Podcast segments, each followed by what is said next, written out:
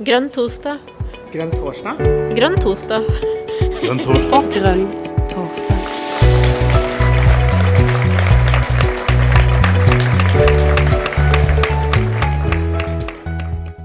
Hei folkens, og velkommen til eh, Grønn torsdag. I eh, dag så har vi en gjest vi er meget stolte over å ha besøk eh, av. Eller hva sier du, Jonas? Jo, det går jo ikke an å være noe annet enn eh, stolt eh, av deg, Ørjan. eh, som har uh, leda lokalpartiet ditt til det beste valgresultatet i landet i lokalvalget i fjor. Så få en om noe sein gratulasjon med det. Du skal straks få ordet for å snakke litt om hvordan det er å være ordfører, og hvordan du kan hvordan man kan påvirke politikken eh, i en grønn retning eh, i det vervet. Um, så, men du kan jo få lov til å presentere deg sjøl først. Si litt om deg sjøl, og kanskje litt om eh, kommunen din, før vi kommer til eh, det som handler om MDG-politikk. Ja, takk for det. Takk for invitasjonen for å komme hit og, og være med dere og si litt om, om meg og om Vardø. Jeg heter jo Ørjan Jensen, som noen av dere selvfølgelig vet. Vardø er ei liten, en liten kommune oppe i Finnmark. eh, 2000 innbyggere. Eh, lever hovedsakelig av eh, fiskeri og, og en del reiseliv. Og så er det offentlige arbeidsplasser, mye radarer og militære installasjoner. Eh, kommunen er for så vidt i utgangspunktet en veldig grønn kommune. Vi er 80% av eh, kommunens landareal er allerede verna og freda, og naturreservat og, og, mange sånne ting. I tillegg så har Forsvaret med sine radarer sørga for at det heller ikke er mulig å lage noen vindmøller, selv om vi selvfølgelig vi skulle gjerne hatt den muligheten, selv om vi vet at vindmøller som sådan er omstridt. Så Det er litt om, eh, om Vardø. Vi har jo vært et fiskerisamfunn siden det kom folk dit for flere tusen år siden. og det jo fisk som har gjort at eh, folk har kommet til Vardø, som har gjort at folk har levd der i, eh, i de tusenvis av årene, selv om det er en arktis, eneste plassen i Norge i arktisk klimasone. Eh, og, eh, og, det er jo på en måte eh, fiskeri som vi også satser på fremover, siden vi verken har muligheter innenfor eh, vindkraft, oppdrett. Det er, jo, det er, jo, et værhardt område uten fjorder og forskjellige sånne ting. Så oppdrett er heller ikke så fryktelig aktuelt enda, sånn som teknologien er. Vi ønsker jo eventuelt at det skal være lukka anlegg, som alle kjenner til. Så, så, det er også en sånn. Så vi satser mye på marin og maritim sektor, på de tradisjonelle næringene. Og det er egentlig der var det sine muligheter ligger. Olje og gass, som en gang i tida var på en måte håpet for mange i Øst-Finnmark om at til slutt skulle trekke utover. Det er jo mer eller mindre også nå ja, punktert, og det ser vel ikke ut at det blir en uh, olje- og gassfremtida for folk i Øst-Finnmark som de håper på. Så, så, vi er nå tilbake til utgangspunktet, egentlig, eh, som vi har vært, samme utgangspunktet som vi har hatt i 1000 år. Og, og, ja, så det er i hvert fall det vi prøver, prøver å jobbe med lokalt. da. Så litt, Det var litt kort om, om kommunen og hva vi holder på med. Ja, hvordan er, det, hvordan er det å være ordfører i Vardø? Hvordan har det vært, å, hvordan har det første året vært? Ja, um, jeg vil si at um, hvis man ser bort ifra For det, det er klart at når, når, jeg ble ordfører Vi er jo en koalisjon på uh, fire partier. Er, det er oss, og så er det Høyre, og så er det Senterpartiet, og så er det SV som er i, i posisjon, og så er det Arbeiderpartiet i opposisjon. Uh, og Arbeiderpartiet har jo hatt makta ikke bare i Vardø i de her distriktskommunene, men i veldig mange kommuner så har Arbeiderpartiet på en måte vært en sånn styrings, et styringsparti. da, så det, det, kom selvfølgelig som et sjokk på mange at det ikke skulle bli en Arbeiderparti-ordfører. Og det, For mange, veldig mange i det partiet så har det på en måte vært et uh, si, nesten en et, en, en, en sannhet at Arbeiderpartiet må ha ha ordføreren. da. Så det klart at De første par-tre månedene så var det jo veldig mange Nesten som man kan si at de var litt bitre for ikke å ha fått ordføreren. eller hva, altså Det var veldig mye sånn eh, Hvordan skulle det her gå? Eh, så i begynnelsen var det nok litt turbulens. Eh, vi vet jo at sosiale medier er jo blitt en arena for mange til å lire av seg sin frustrasjon. og, og Det var nok litt sånn i begynnelsen. Men så har denne koalisjonen og de fire partiene vi har gjort en veldig bra jobb så langt. Eh, og flere og flere ser at oi, det ble ikke det kaoset som vi kanskje hadde regna med, og, og, det går faktisk ganske bra. Og I tillegg så, så, så, ser man jo at det kan være veldig nyttig å være mange eller flere partier som, som, styrer, fordi at man får et større nettverk både inn på fylkesting og på storting og regjering. Og, og fylkestinget i Troms og Finnmark er jo de som styrer der, er jo eh, Arbeiderpartiet, Senterpartiet og SV. Og vi har jo allerede to partier fra vårt um, samarbeid inn i, som også er på fylkestinget da, i, i posisjon. Så, så, vi har egentlig, Og Høyre sitter jo i regjering her i, Oslo, så vi, vi, har faktisk føler at vi har uh, med det samarbeidet vi har i Vardø, så har vi også et godt nettverk utad. Selv om ikke Miljøpartiet sitter i så mange posisjoner eh, på fylket og nasjonalt. Da. Så mm, det har fungert veldig bra. Jeg tror folk blir mer og mer eh, fornøyd med Det er jo klart mange ting i samfunnet og i distriktene og, og, befolkningsreduksjoner og alt det der som dere kjenner til. Så er det jo selvfølgelig Det er jo ikke alle ting som går bra i en liten kommune som Vardø. Men jeg tror at de syns at vi gjør en god jobb ut ifra de eh, mulighetene vi har. Da. Så, så langt går, går, ting veldig greit. Jeg har jo Personlig så kjører jeg jo hver uke en sånn, sånn her Jeg har jo ordførerside på Facebook som jeg bruker veldig mye til å prøve å informere og engasjere folk. Eh, skrive hva som har skjedd i uka som har gått, og skrive hva saker vi holder på med, og hvilke møter vi har vært i. og Egentlig en sånn type, ja, kall det gjerne for en blogg, da. Som folk syns er veldig veldig nyttig. og Det er på en måte mer informasjon om hva en ordfører holdt på med, og hva politikerne holdt på med, enn det har vært eh, lokalt da, på, på eh, ja, no, noensinne. Så jeg tror folk er veldig eh, tror folk setter veldig pris på det vi holder på med i Vardø for tida. Så jeg tror ikke det har eh, eh jeg tror ikke jeg tenker over at det er miljøpartiordfører lenger. men, men, du, men du Ørjan, altså, jeg, jeg, må bare spørre. Altså, 24 mm. Hvordan, hvordan, fikk dere til det? Altså, hva, hva, er suksessoppskriften her? Er det, er, det, er, det, det, liksom, er det din personlige karisma vi prater om her, eller er det, misfornøydhet med Arbeiderpartiet? Altså, hva er grunnen til at, fikk, eh, at, dere klarte å få til 24 eh, tror du? Ja, altså eh, Det er jo en litt sånn her For det første så har jeg jo jobba i, i, lokalpolitikken i, i 25 år. Eh, og, og, jeg var jo først i Høyre på, på 90-tallet, og så ble jo ikke Høyre altså Høyre sin utvikling gikk jo i gal retning for meg da. Så hoppa jeg av det toget, og så, så starta jeg jo et sånn her, sånn her sånn bygdelista, for å kalle det for det, som var upolitisk. Eh, og i 2015 så, så i 2014 meldte jeg meg inn i Miljøpartiet, og, og, i 2015 så stilte vi til valg i Vardø i Miljøpartiet. og Da fikk vi 3 av 19 i, i bystyret. Så vi har jo, og i, i alle de her årene så, så har man jo jobba ganske aktivt eh, med politikk.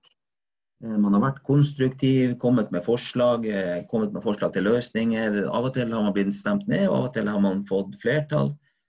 Så mange av dem som står på lista til Miljøpartiet Vard, er jo kjent, kjente lokalpolitikere. Som, vært, som jobber konstruktivt, setter seg inn i sakene, og som på en måte er kjent som flinke politikere.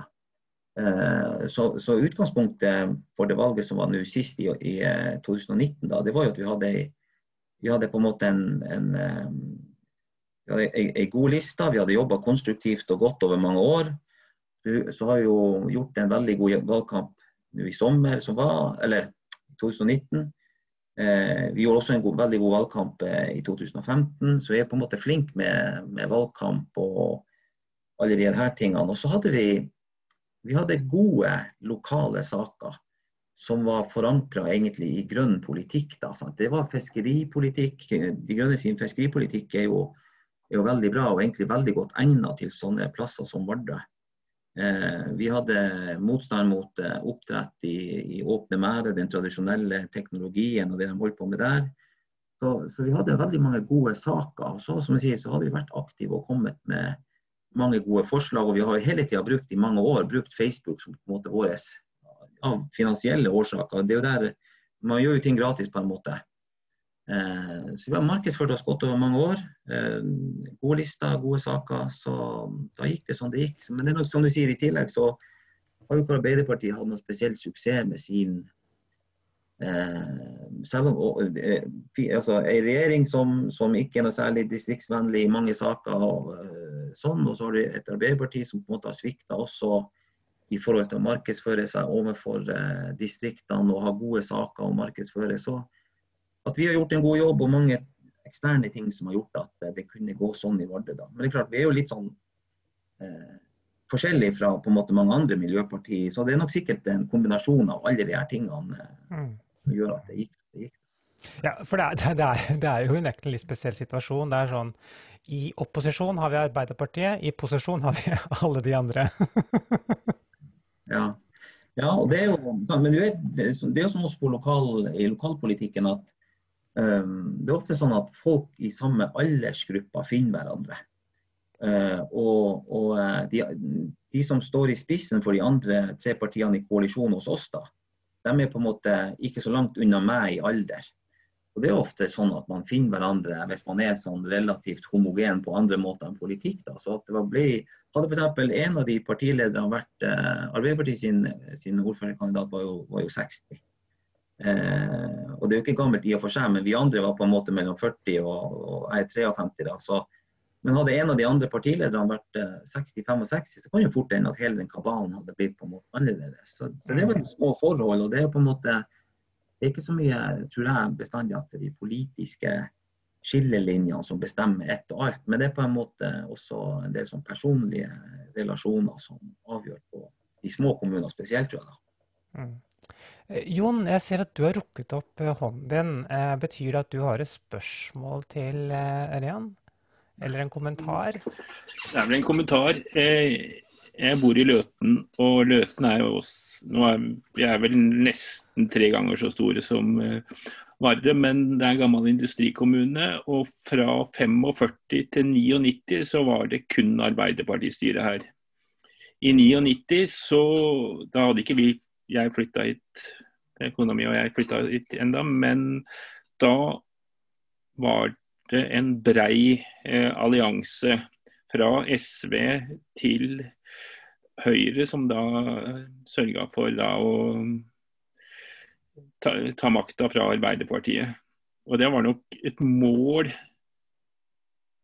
det å få tatt makta fra Arbeiderpartiet var et, Jeg var jo ikke der, men jeg har mistanke om at det, Jeg kjenner jo disse folka. Det var det som var det overordna. Få bytta ut Arbeiderpartiet. Var det, I og med at dere har så brei allianse, var det en overordna greie? Nå skal vi bli, litt stygt sagt, bli kvitt de. Det er nok heller det at når et parti er så stort som Arbeiderpartiet i, i kommuner som Vardø og Løten og forskjellige andre plasser, så, så er det på en måte, kanskje har de rent flertall, kanskje de mangler de én stemme for å få rent flertall i kommunestyret. Og Det gjør noe litt med samarbeidskulturen til, til Arbeiderpartiet. For de, de, har jo på en måte, og de har den der partipiska, så de har en sak på sitt medlemsmøte, og så bestemmer de det. og Da kommer de til bystyret og hvis de da har, eller kommunestyret. og hvis de da har eh, andre partier som har gode forslag, og de har vedtatt ting på sine medlemsmøter, så er det jo ikke alltid at de er så åpne for å eh, diskutere og samarbeide.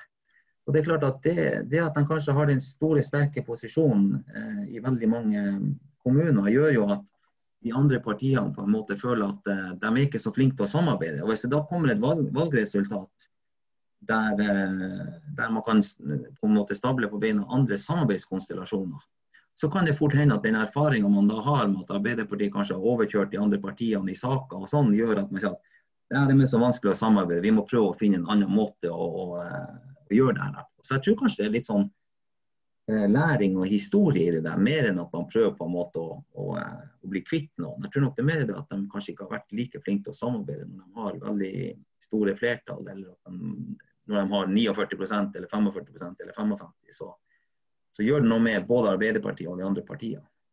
Ja, jeg tror nok det er en bedre analyse, men eh, jeg, kjenner jo da godt til de som da tok over eh, makta. Alle de har da et dårlig bilde av Arbeiderpartiet, mens jeg som da kom inn i dette seinere og i 2015 så kom jo jeg på vippen og sørga for at Arbeiderpartiet igjen fikk ordfører. Og eh, jeg var sterkt advart mot å prøve å samarbeide med Arbeiderpartiet, men jeg hadde ikke noe som helst problem med det. Det gikk veldig bra, men som du sier, man må komme inn tidlig i prosessen. Så jeg passa på å være på masse gruppemøter i Arbeiderpartiet. Der var de åpne, og når de hadde bestemt seg, så hadde de bestemt seg. Men i gruppemøtet når jeg stilte opp der, så var det gode diskusjoner, og de hørte på meg. og fikk eh, gode avgjørelser. Ja. Jeg har også det samme inntrykk av Arbeiderpartiet lokalt. Det er veldig mange flinke folk. Eh, og sånn, så det, det, det, er kanskje det at eh, altså, det, deres fundament, grunnmuren i, deres velgere eh, i distriktene, tror jeg blir mindre og mindre. Og det blir jo nasjonalt eh, blir jo mindre og mindre, og, og velgerne mer og mer utro. Men jeg vil jo tro at De siste 20 årene så har kanskje fundamentet deres i Vardø gått fra 40 til kanskje nå 30% eller 25 og, og Det tror jeg vil gjøre noe med deres tanker rundt det her med å samarbeide og skape konstellasjoner, gå tidlig i forhandlinger og kanskje eh, gjøre avtaler på forhånd og sånne ting. Da. For de har jo selvfølgelig vært litt bortskjemt med, med gode valgresultat i, i, distriktene i Finnmark i hvert fall. Så, så, jeg tror nok at de her tingene endrer seg litt på sikt, og at man også ser at Arbeiderpartiet blir mer søker samarbeid både til høyre og venstre. og Det har de gjort også i mange kommuner. Så Hvis man ser i Norge sånn generelt, så ser man jo veldig mange altså det man kan tenke deg, sånn rare samarbeidsprosjekter. Frp og SV sitter sammen med noen andre partier i, i et kommunestyre og er i posisjon. og sånn. Så det, akkurat på lokalnivå så jeg tror jeg ikke de her vanlige politiske skillelinjene er like dominante som på Stortinget og i regjeringa. Mm. Ja. Eh, jeg har jo sittet, jeg har vært folkevalgt for Arbeiderpartiet i en relativt liten kommune. Eh, så jeg kjenner meg jo igjen i det. Det, det, det beskriver at eh, når man kommer til et kommunestyremøte, så er man kanskje allerede bestemt seg. Eh, og Sånn sett er det litt vanskelig for å eh, ta, ta, ta i betraktning nye forslag. Men Gammel det jeg lurer litt på. Relativt liten. Mellomstor er vel kanskje. Eh, men eh, jo, det jeg skulle litt inn på, er eh, Du sier at skillelinjene på en måte ikke er så tydelige i lokalpolitikken. Men på hvilken måte håper du eh, at eh, Du har vært litt innom noen saker som har vært viktige for dere i Vardø. Men hva håper du på en måte skal sitte igjen da, eh, av MDG-politikk i løpet av den perioden? Hvilke saksfelt Eh, er det du ser at det, dette, her kan vi faktisk drive politikk, da? For jeg vil tro at det er ganske mye at man Ganske mange enstemmige vedtak, eller? Ja, det kan jeg si. Det er jo, det er jo som regel faktisk enstemmige vedtak.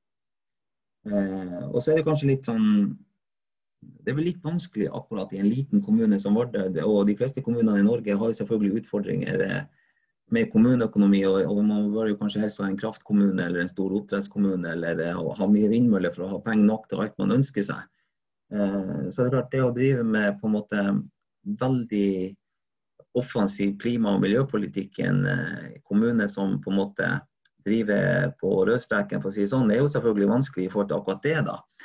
Eh, men det er jo en god del miljø- og klimatiltak som, som bedrer en kommune sin økonomi. Og, og, det vi har tatt i, i første omgang i forhold til akkurat det, det er jo de lavthengende eh, fruktene som går på klima og miljø. da.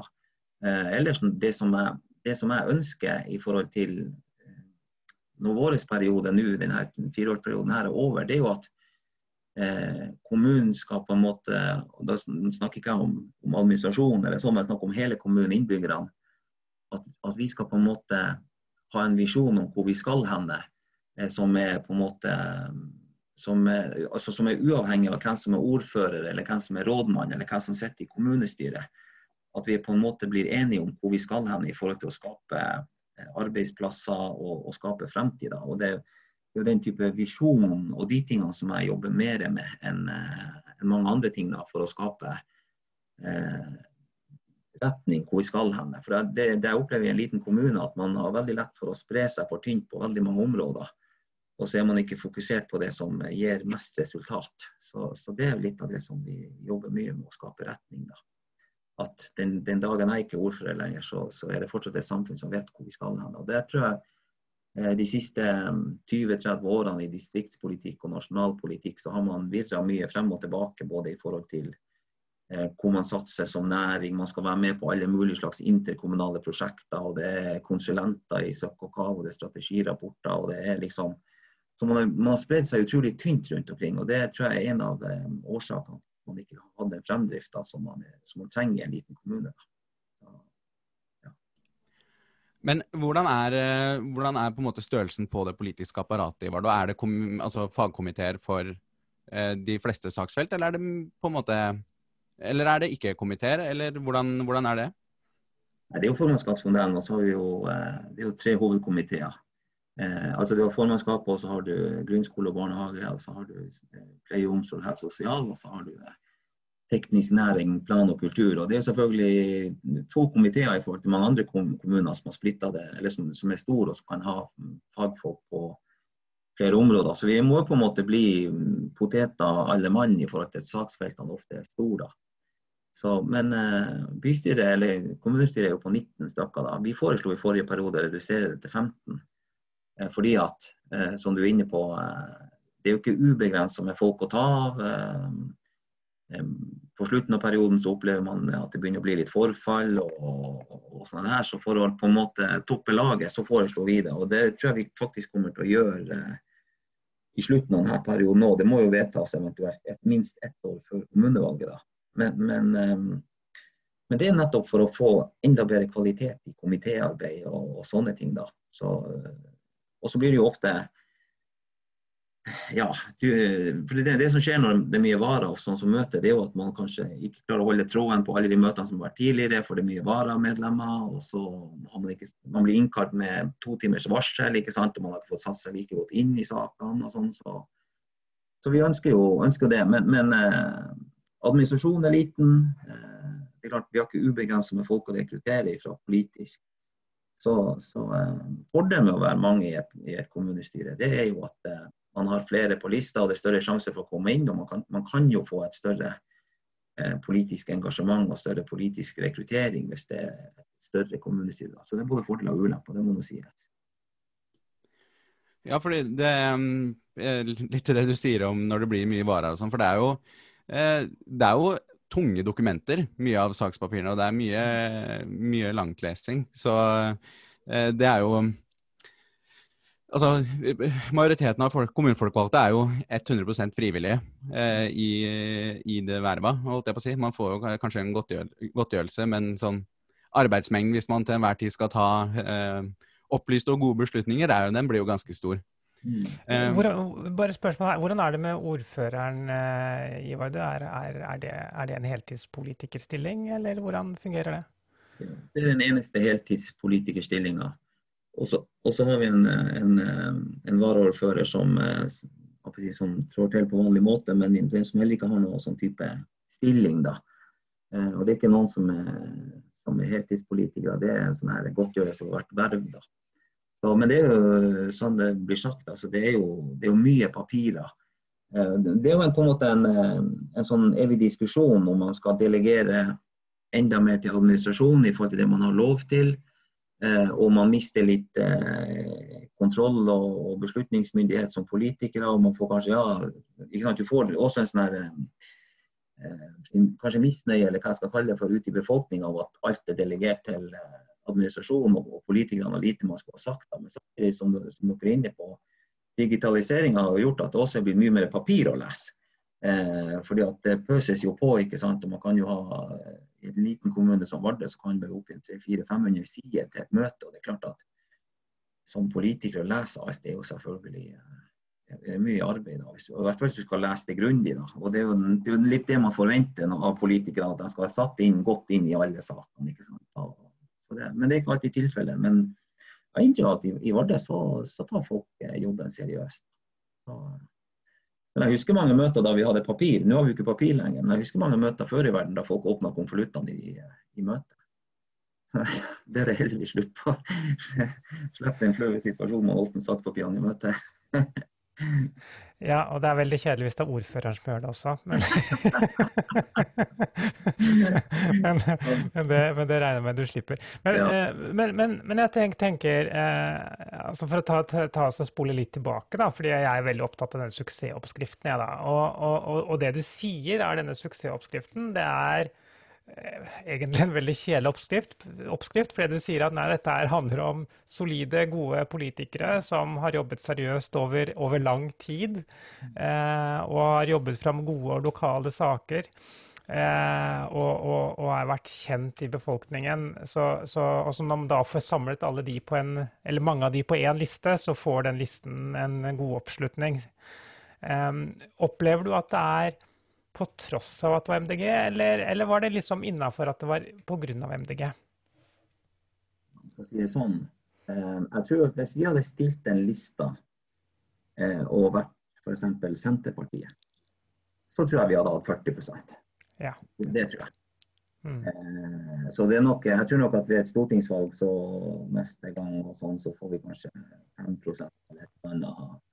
Fordi det er jo i, altså Distriktene er jo er jo sånn at det er jo som alle TNTL er flere mannfolk enn kvinnfolk. Mannfolkene er jo mer klimaskeptiske. Det er eldre befolkning, de eldre er mer klimaskeptiske. Eh, og, og distriktsvelgere generelt er jo mer klimaskeptiske. Mm. Så det er jo litt på tross av. Men, eh, men, men samtidig så, så, som jeg sier, det er, jo, det er jo litt det her med at det, man må jo selvfølgelig ha egenskaper der man klarer å sette ting på spissen finne de sakene som treffer. Eh, man må kunne være litt sånn, sånn ja, spissformulert at folk liker det. For det er jo litt sånn show også. ikke sant? Det, det blir jo det. Det er jo sånn politikken er også i fagpolitikken.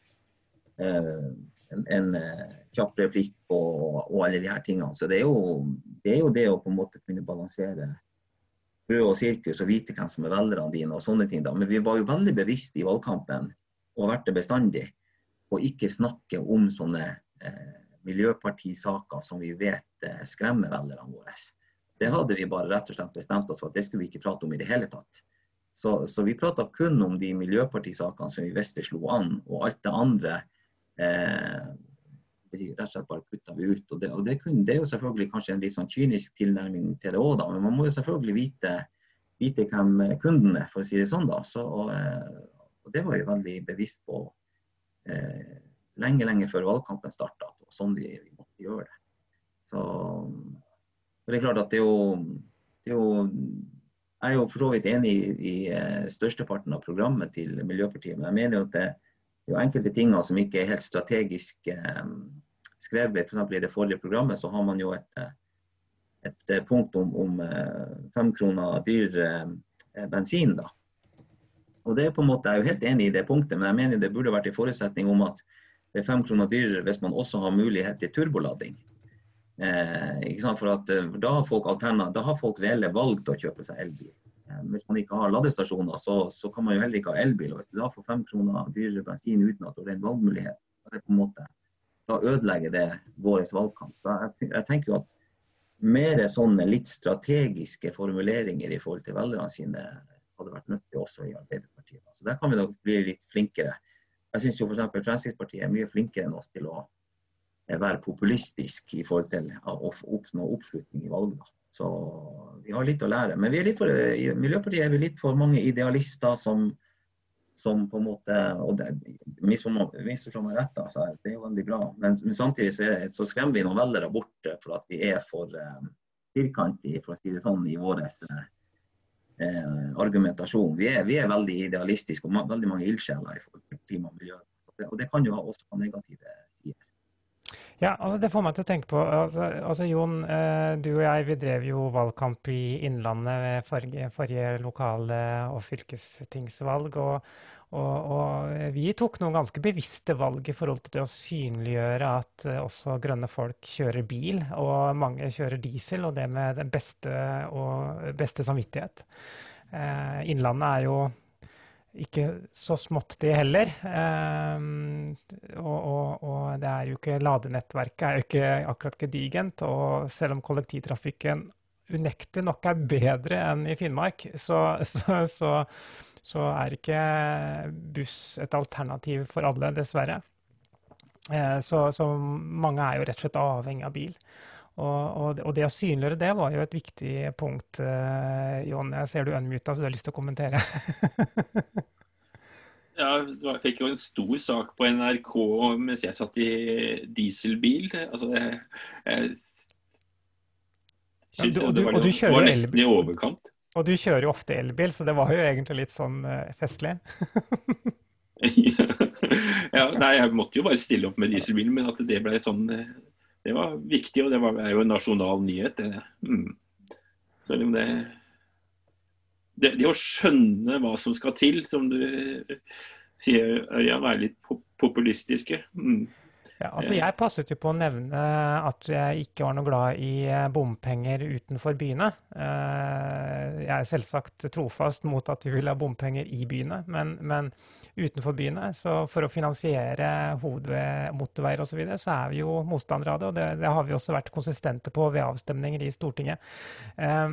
Og mange er jo ikke klar over det, for mange tror jo at MDG på død og liv skal ha bompenger overalt for å begrense bilisme mest mulig. Og det er jo beviselig feil. Eh, både det at vi er det partiet som har en ganske offensiv politikk i forhold til det å ruste opp eh, veinettet vårt i forhold til trafikksikkerhet, rassikring osv. Og, så og, vi, og vi, vi, vi ønsker jo ikke at det skal være at vi skal splitte bygder ved å putte på bommer mellom, mellom de, fordi vi har så lyst til å bygge en motorvei der. Og vi, nå har vi ikke lyst på den motorveien, da. Men det gjorde jo at hver gang jeg nevnte det i en bisetning, så, så, ble jo overskriften et eller annet om at jeg ikke ville ha bom. jeg husker i Vardø når vi Vi hadde jo en ganske sen konstituering etter valget. Eh, så vi ble jo på en måte konstituert 14 dager før budsjettet skulle legges frem for formannskap så hadde vel bare omtrent 14 dager på, på å få laga sorten og fingeravtrykk på, på budsjettet. Eh, og da selvfølgelig Vi har jo ikke hatt tid eh, til å få laga noe sånn eh, klimabudsjett og klimaregnskap. og Vi måtte rett og slett bare hoppe rett på tiltakene. Og da For første gang i historien så, så, så kom vi med et vedlegg til budsjettet. Eh, altså Det er en del av budsjettet, da, men, men eh, vi delte opp budsjettet i forskjellige typer vedlegg. Og Da hadde vi et vedlegg som heter klima og miljø. Og, eh, og, bare det at det sto klima og miljø, selv om vi hadde blinka ut ganske si, 15-20 tiltak som, som, sparte penger og sparte miljø, så ble det jo et ramaskrik, eh, spesielt fra Arbeiderpartiet, men også Senterpartiet og en par andre partier som vi satt i koalisjon med, koalisjon med, eh, med de tiltakene. Da. Så det var rart at tiltak som var Hadde det kommet fra Arbeiderpartiet, så hadde det bare da var vi banka igjen. Ingen som hadde tenkt over at det var på en måte, men, men når det var Miljøpartiet som kom med et klima- og miljøvedlegg, så ble det voldsomt oppstyr både i avisene og, og ja, radio og i lokaldebatten og hele pakka. Så det var egentlig litt sånn surrealistisk. fordi at vi skulle jo spare Ved å gå over til elbiler og spare bensin og de tilskuddene fra Enova og alle de her tingene, så, så var jo elbilene gratis. For at de betalte seg sjøl med at man reduserte driftskostnadene. Vi fikk fornya hele bilparken eh, uten å betale ei krone for det omtrent. Og til og med det var galt. Så det, så det ble veldig sånn her. Men, men eh, så det var her for et par uker siden, så, eh, så det er jo flott med den der miljøpartipolitikken. Vi merker jo ingenting til den. Sant? For det, det på en måte blitt, Vi har lokal mat, og det er mindre flyreiser og hele denne pakka der. og det er jo man må ta utgangspunkt i det som man har mulighet til å gjøre noe med det. Og, og, men, men, bare for at det var vi som kom med det, da, så blir det, en, blir det egentlig en, en, en, liten sak å ta. Det er lokalt en ganske stor sak. det, det, er jo, det, er jo, litt rart, nesten litt trist, men egentlig litt gøy også, eh, når jeg tenker etter. Eh, at da får man plutselig mer oppmerksomhet for noe andre ikke ville fått noe særlig oppmerksomhet for. Ja. Ja. Så, så, så, det, så det, er, det, er, jo flere, flere sider ved det. Mm. Eh, sånn, eh, jeg tenker, altså Du er jo representant for, eh, for, Miljøpartiet i et distrikt, kan man jo trygt si. I hvert fall sett, sett sørfra, så er det, er det et distrikt. Hva tenker du er viktige saker for å posisjonere Miljøpartiet som også et distriktsparti, som flere av oss mener at vi også er? Ja, det som er litt sånn det er ikke noe, på en måte, noe kritikk mot noe som helst, eller eh, sånn, men, men, jeg har jo vært egentlig ganske enig eh, i eh, vektlegginga som Miljøpartiet har hatt med å få et større gjennomslag og få en større, større velgergruppe i sentrale strøk. For det er klart at dem som, så det er jo der, Hvis vi, kan, hvis vi ikke når sperregrensa, så må, må, har vi på en måte mulighet til å få folk inn f.eks. sånn som vi har fått i Oslo. da. Eh, og, um, og så er det jo sånn at Når man er én på tinget, så blir jo kapasiteten til å drive med alt mellom himmel og jord, ikke sant, til skole, helse, forsvar, utenriks eh, Skal du i tillegg ha litt distriktspolitikk og fiskeripolitikk og ja, så kapasiteten er selvfølgelig sprengt. Eh, så for å komme over den, den sperregrensa, sånn at det gjør at vi kan få inn flere folk, eh, få et større apparat administrativt og, rundt de folkene, tror jeg jo på en måte er det første vi må oppnå. Og da tror jeg så At vi ikke vi har klart å ha eierskap f.eks. til som, Vi har vel egentlig bare hatt eierskap på miljøpolitikken. Og det, det, er på en måte sånn det må være til vi har slått oss inn Eh, på tinget med og kommet over sperregrensa og, og, har ti stykker der. Eh, det som, er, det, som jeg tror er problemet til Miljøpartiet sånn som det har vært de siste årene, det er at vi, vi har bare eierskap til miljøfeltet. Eh, og så er det jo blitt på en måte mange partier som har sagt at jo, jo, men vi er også flinke på miljø. ikke sant? Og så veier de opp eh, miljøsaken. La oss si at de er enig i, at miljøet er viktig, men så er kanskje Senterpartiet er sterkere på distriktspolitikk. Eller ikke sterkere, men de har et større eierskap. Eh, og ja, da blir det Senterpartiet. Og, og, hvis det er SV som har litt sånn klimaprofil, de har en mer sånn sosialt eierskap til sosialpolitikken dit og datt, så da blir det SV. ikke sant? Men jeg tror jo at før vi er kommet til det punktet at vi, vi er over sperregrensa og inne på tinget med i større grupper, så er det vanskelig å få eierskap til saksområder. Og jeg tror det, det er jo det eierskapet som, som, gjør at man stemmer på et parti ikke sant, eh, i større grad. da, for at Arbeiderpartiet sier jo også at de har en klima- og miljøpolitikk, ikke sant? men de har jo et sterkere eierskap innenfor arbeiderbevegelsen og industripolitikk og de her tingene. Sånn at jeg, jeg har ikke noen løsning på akkurat det, annet enn at jeg mener at den første løsninga vi, vi, rett og slett må klare å fikse, er at vi, vi klarer å bryte ned sperregrensa. Og da tror jeg vi kan jobbe med sånn som, sånn som du, du, spør om hva skal vi gjøre for å få større oppslutning i distriktene. da. Fordi jeg skjønner jo at Sitter du på tinget alene, eller har man to-tre mann på, i administrasjonen på Stortinget, sånt, så er det utrolig vanskelig å, å, komme igjennom mot de andre partiene som har svære apparat på det samme området. Så, så, um, så, det, for jeg tror det rett og slett går på eierskap. Å kunne være i mange nok kanaler med mange nok folk på f.eks. distriktspolitikk eller fiskeripolitikk eller hva det måtte være. Så, så jeg har ikke noen løsning på det, annet enn at vi rett og slett må komme over sperregrensa. Be betyr det da at eh, For å ta valget neste år i første omgang. Eh, betyr det da at vi kanskje må eh, akseptere at den nasjonale valgkampen kan eh, i, i, den nasjonale valgkampen så kan hende at vi fronter saker som på en måte eh, er ødeleggende for den valgkampen som drives ute i distriktene. Er det på en måte en reell Du er jo litt inne på det, men blir, på en måte frykter du det, da? Som skal drive valgkamp i, i Finnmark. At det blir eh, vanskeliggjort av at de sakene som får oppslag i Dagbladet og VG og nasjonalpressa for øvrig, eh, blir veldig bysaker? Ja, jeg, jeg, mener jo at eh, Jeg håper jo ikke at det kommer eh, saker som er ødeleggende for miljøpartiene i distriktene, men jeg håper jo at man kan eh, eh, balansere akkurat det. Da. Men, men jeg, jeg, tror at hvis Miljøpartiet skal bryte sperregrensa, så må vi klare å få fokusert på de sakene som gjelder der det bor veldig mye folk. da. Det, det er den eneste løsninga som jeg ser. For det er klart at La oss si at Miljøpartiet hadde brukt alle sine ressurser på å snakke fiskeripolitikk. Til og med Olan og Une og Arild hadde sprunget rundt og snakka fiskeripolitikk i annenhver setning. Så tror jeg ikke vi hadde kommet inn på ting og bløtte sperregrenser. Så, så, så, men det er klart, selvfølgelig er det debatter, og så må man selvfølgelig markedsføre de standpunktene man har. og sånne ting. Men jeg tror i hovedsak, det er akkurat som du er inne på, så må det være bypolitikk, klima- og miljøpolitikk, det som angår folk eh, der det bor flest folk, rett og slett. Altså, så, så, ærlig må jeg være. fordi at det, det jeg ønsker, er at vi skal kunne få gjennomslag for eh, klima- og miljøpolitikken. Da må vi ha folk på tinget. og Skal vi ha folk på tinget, så må vi få velgere der velgerne bor. Det, så, så, mange i distriktene kritiserer jo kanskje eh, la oss si Miljøpartiet i Oslo, for man er jo veldig flink i Oslo òg. Men jeg mener det er jo et helt feil fokus. fordi at eh, Oslo Miljøpartiet har jo sine saker og må jo selvfølgelig jobbe med sine saker. og Det er dem, det, det som er deres agenda. Og det at de er flinke, det er jo ikke et, er jo ikke et problem for, for Miljøpartiet i distriktene. Må, Miljøpartiet i distriktene må rett og slett bli flinke, dem også. Så jeg tenker jo at det er rett og slett vi, skal, vi, skal, vi, bør være veldig veldig glad for at vi har, har så flinke, store lokallag. Og, og, jeg tenker at det er en fordel for oss hvis vi klarer å utnytte det. Så, så, eh, men fokuset må ligge på det, de sakene som er viktige for flest mulig for at vi skal komme inn på tinget med stor delegasjon. Det, det, er, mitt, det er mitt syn.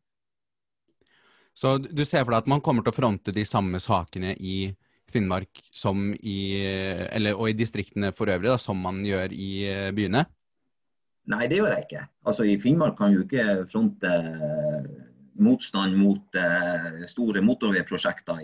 Det kan vi selvfølgelig gjøre, men jeg tror ho hovedfokuset vårt kommer til å ligge på saker som angår folk i Finnmark. Og så får vi selvfølgelig si at å bruke så mye milliard på motorveiprosjekter er selvfølgelig feil, for vi, vi burde bruke mer penger på veivedlikehold og sånt på alle veier.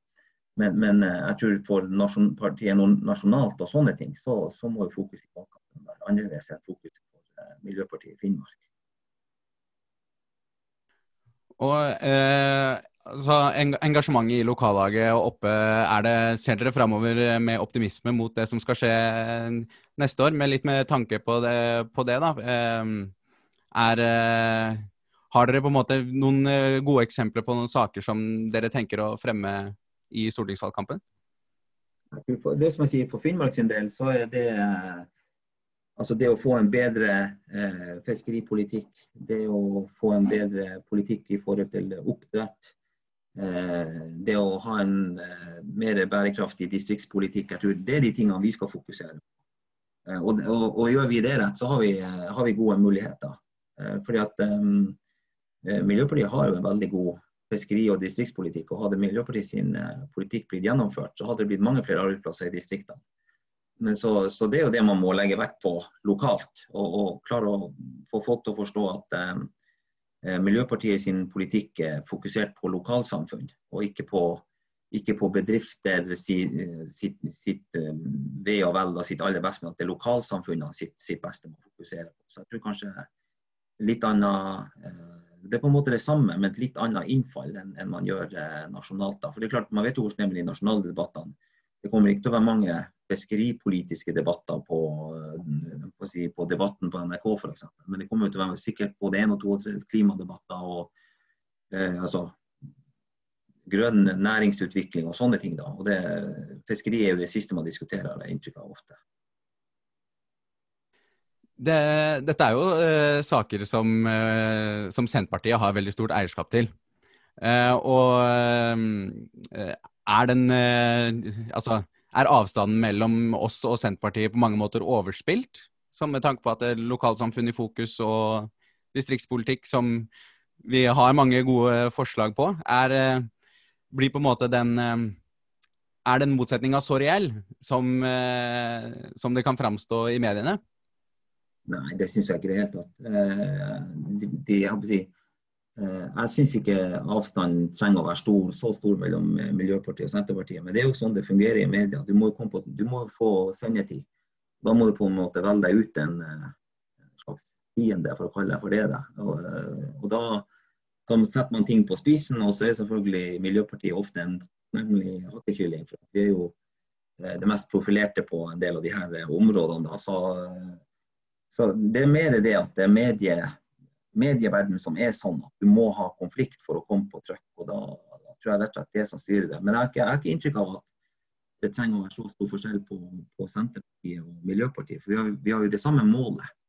Eh, og jeg tror at veldig mange i Senterpartiet er enig i veldig mye av det som Miljøpartiet sier. Og så, så blir det ofte en litt sånn her bensinbil på bygda-type vinkling som eh, egentlig er ganske kunstig. da, For det, det, er, jo, det er sikkert ikke mer enn eh, fem år så har de aller fleste folkene på bygda elbil uansett. Sant? Så da vil den debatten være borte for evig og alt. Så jeg tror det bare er en sånn mellomfase der eh, Senterpartiet trenger noen å, å slåss mot. Så jeg er ikke så redd for det. Og veldig mye folk i Senterpartiet syns jeg er veldig både flinke og taler distriktene sin sak på en veldig god måte. Så, så um, jeg tror heller vi skal bruke, for oss som bor i distriktene i hvert fall, så tror jeg i hvert fall at vi heller skal bruke Senterpartiet som en uh, god alliert i, i distriktspolitikk.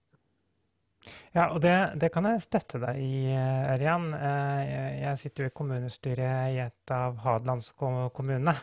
Eh, og, og, der sitter jo naturlig nok Senterpartiet også. Og, og, en av de som er mest stolt av å ha uh, lagt solceller på låvetaket sitt, det er jo en av de fremtredende Senterpartipolitikerne. Så hver gang så viser han meg stolt hvor mye strøm han har produsert på taket sitt. Uh, og jeg syns jo det er kjempeartig, uh, fordi at han med det så fronter han jo en grønn sak, og han viser jo også at han han bryr seg også om miljøet, og, og, spesielt når det også er økonomi i det, kanskje. Men, men, men, men, sånn er det jo ofte. Ofte så er det jo god økonomi i, i, i god miljøpolitikk, eh, hvis man bare tenker langsiktig nok. Så, så eh, jeg er helt enig i at, at det, liksom det å få frem det gode i Senterpartiet vil også være bra for oss. Eh, og, det, og, det, tenker jeg er, er, er, er, noe vi kan fokusere på. Men så ser vi også da, at, at, det er jo også noen, noen, forskjeller i forhold til hvordan vi vektlegger eh, eh, småskala jordbruk eh, fremfor industrielt jordbruk. Altså Der ser vi jo at det er en slags skillelinje mellom, mellom Senterpartiet og MDG. Men jeg tenker at det er jo en skillelinje som egentlig kan brukes til noe positivt, fordi at begge ønsker jo å dra det i retning av mer matproduksjon i Norge. Og det, det, er jo en Det burde jo egentlig være en bra ting. Eh, eh, så, så, ja, jeg er kanskje enig i det. Kanskje man skal tone ned den der eh, konfliktlinja mot Senterpartiet. Fordi jeg tror vi har mer å tjene på å, å drive frem det gode i hverandre. Mm. Men, jeg tror jo at både kanskje Miljøpartiet og Senterpartiet har brukt hverandre litt sånn for å få oppmerksomhet. og at det man på en måte har eh, gått litt høyt på banen nettopp for å få oppmerksomhet i saken. Eh, så, så jeg, jeg, tror litt sånn konstruert òg, da. Så får vi se hva som skjer etter valget. og Da skal man selvfølgelig kanskje i forhandlinger og forskjellige sånne ting. og Kanskje kommer eh, Miljøpartiet i en vippeposisjon. Så jeg tror, jo, jeg tror det sikkert kommer til å pågå frem til og over valget. Og så tror jeg nok at det vil eh, dabbe ganske fort av. Jeg tror vi har veldig mange sammenfallende interesser. og Jeg tror at både bøndene og folk på bygda har, eh, er egentlig ganske eh, klima og miljø opptatt. Og de ser at den, de klimaendringene som pågår, kommer først og fremst til å ramme distriktene med mer ras, med mer ekstremvær, med mer flom, med, altså med, med, hele det systemet. Så jeg tror jo folk på bygda faktisk kommer til å bli ganske fort like opptatt av klima og miljø som folk i byen. da. Så, så, eh, jeg tror det er en kortvarig eh, konstruert situasjon, for å si det sånn. Eh, I landsstyret så skal vi diskutere blokktilknytning i desember. Mm. Og nå var du innom forhandlinger og sånn, men eh, da, jeg vet jo, vet jo ikke hvor, om vi ender opp med å faktisk da ta et standpunkt. Men har du noe Det er jo en del som mener at eh, jo, vi, vi skal være på, med Arbeiderpartiet, kanskje med Høyre. Har du noen tanker rundt rundt, rundt det der, det greiene der. Det blir veldig spennende å, å, se hva konsekvensen er hvis vi tar et valg, uansett hva valget er. Det, skal... Min personlige mening er at det er altfor tidlig for Miljøpartiet å gå inn i noen regjering. Eh, og det er fordi at For det første så, så, krever det jo at man har på en måte også en tradisjon og en erfaring og et apparat for å gå inn i en regjering, syns jeg. da. Eh, men jeg syns jo det man, skal, eh, det man eventuelt eh, skal gjøre, det er å, å eh, på en måte være i vippeposisjon. Eh, og at vi skal kunne innkassere eh, gevinster eh, ved å kunne få være den, den, som på en måte sier ja eller nei til viktige saker. Og du ser jo sånn som Fremskrittspartiet når satt i regjering, så de, så de går ned og ned og ned og ned. og ned og ned. Og så går de ut av regjering og så får de en motsatt effekt. De får lov å sette stempelet sitt på de tingene som da blir, eh, kommer inn og, og sier ja til regjeringa. Ja, det kan vi gå inn for. Så blir det på en måte dem som har tatt den saken. Sånn, så jeg, jeg, tenker jo at eh, jeg tenker jo det naturlige eh, Det får man jo se når valget er over, da. Men jeg tenker at Miljøpartiet skal være i, i vippeposisjon, og vi skal utnytte den makta som ligger i en vippeposisjon. Det er det jeg tenker er mest fornuftige for, eh, for Miljøpartiet og rett og slett avskrive regjeringsdeltakelse. For det synes jeg ikke jeg synes ikke det er det beste for oss akkurat nå. Da. Men, men, men, det er selvfølgelig ikke noe som, som Det må man også se hva valgresultatet blir da, før man tar sånne endelige beslutninger. Men jeg ser for meg at det mest smarte er å være VIP Passere inn seire for Miljøpartiet for at vi skal være et stort parti i noen år fremover. og Da kan ikke vi gå inn i regjering og få skylda for, for, at vi ikke klarer å gjennomføre alle de målene vi har. Så så jeg tenker vippeposisjon er bedre for oss. Men hva med altså, For at vi skal ha en troverdighet som en styringsparti, da. Tror du, hvordan tror du velgerne vil reagere på det hvis vi sier at um, vi, vi, vil ikke sitte i regjering, ikke gi oss det ansvaret? Det, kan det være problematisk, det òg? Hvordan skal vi kommunisere at vi skal være med å påvirke, men, men vi skal ikke sitte i regjering? Jeg mener at både Høyre og Arbeiderpartiet har jo avskrevet å sitte i regjering oss. Så det er jo bare på en måte å si at vi tar konsekvensen av at de ikke vil det. Så, så markedsfører vi at vi skal være i vippeposisjon og sørge for at vår politikk får størst mulig gjennomslag i alle fall. Eh, så vi, vi, kan jo ikke tvinge noen til å gifte seg med oss, men vi, vi kan jo fortsatt eh, være med og, eh, bestemme menyen. Og det tenker jeg jo er på en måte blir vår rolle. Så, så, jeg syns det kan være greit bare å forklare det med utgangspunkt i det når man går inn i en valgkamp. At ja, ja, de vil jo ikke sitte i regjering med oss, men men vi, vi, kommer til å sørge for at våre saker får flertall hvis, hvis vi er enige i dem. Så, men hva om vi hadde tatt en Frp da og sagt at eh, vi vil ikke støtte noen regjering som vi ikke er en del av? Kunne det vært med på å lokke flere som eh, kanskje er i tvil, da, som tenker at ok, vi kunne, eh, jeg kunne stemt på MDG, men så velger jeg heller eh, det trygge og så putter jeg Arbeiderpartiet sin lapp i, i urna? Mm. Ja, det blir jo veldig mye, altså det blir veldig vanskelig å vite egentlig hva som er strategisk rett. og, og sånn da, Men eh, eh, ja, jeg har ikke noe, godt svar på det. Men, men eh, eh, som jeg sier, uansett så tenker jeg at for oss å gå inn og ta ansvar i en regjeringsdeltakelse, jeg syns ikke det er rett for oss. Da kan jo hende at eh, strategisk etter et valg så sier man faen kanskje vi skulle gjort det og det, men jeg tenker akkurat nå så syns jeg kanskje det er det, det greieste. Så, så, så, det du sier, Ørjan, er at um, uansett strategi, så må målet være å havne på vippen. Så, så, vi kan si sånn at uansett hva du gjør, sørg for at du havner på vippen, så blir det bra. Rett og slett. For jeg tror at um, uh, det, å, det, å, gå inn i regjering for oss eh, og få på en måte skylda for alt som eh, Husk på, vi, vi, nasjonen Norge vi skal jo inn i voldsom omstilling. Og jeg tenker at Når det kommer da en regjering som kommer med et statsbudsjett eh, som ikke bidrar til omstillinga, så får vi skylda for det. Men hvis vi sitter i vippeposisjon og kan da tvinge gjennom større omstilling eller mer grønn politikk, så, så når vi våre velgere på en bedre måte enn at våre velgere er misfornøyd med stort nok gjennomslag i regjering. Mm, mm. Men det er ikke nettopp eh, problemet at vi, på, at vi ikke at vi bare må unngå venstrefella, hvor de limer seg nettopp til én blokk. Hvis vi stiller strenge nok krav. og ser vi, vi er, må jo være veldig mye tøffere. Og da er det, hvis vi ikke får de tøffe kravene gjennom, ja, da er jeg helt enig med deg vippeposisjon. Men hvis vi faktisk får det gjennomslaget vi mener vi må ha, så, så har vi jo mye mer makt i regjering. Hva, hva sier du til det? Ja, eh, det som jeg sier, det, er jo selvfølgelig, det skal gjøres forhandlinger.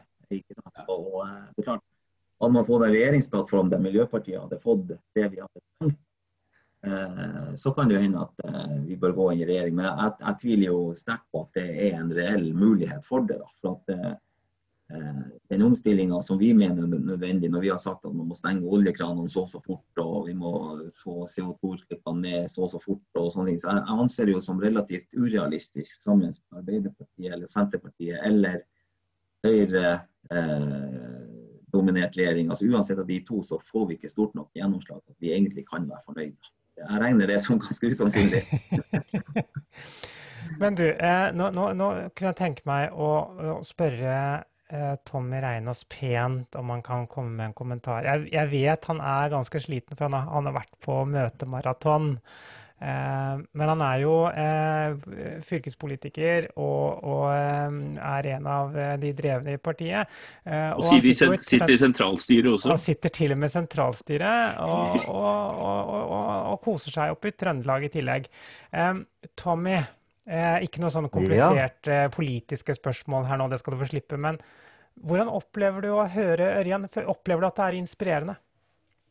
Ja, altså Ørjan er jo en sånn supermann eh, som har gjort et grundig feltarbeid. Og som på en måte har sin formel altså, som passer, for, sitt, eh, for, sin hjemkommune.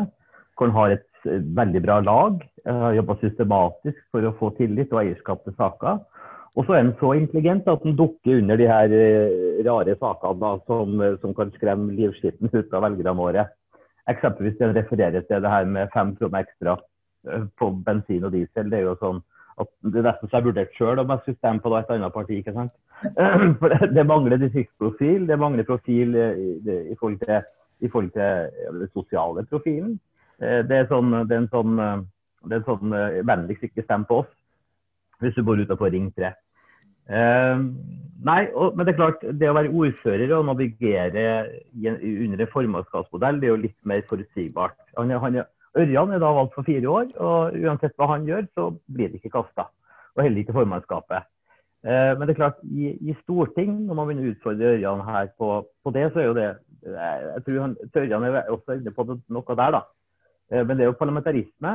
og det å komme på vippen og der, deretter tro at det da, det da ordner seg, det, ja, nei, vi skal jobbe litt mer med den, tenker jeg. fordi eh, det, vi, det, vi, kan oppleve, det er jo at vi får en Arbeiderparti-Senterparti-regjering som går rundt og shopper flertall.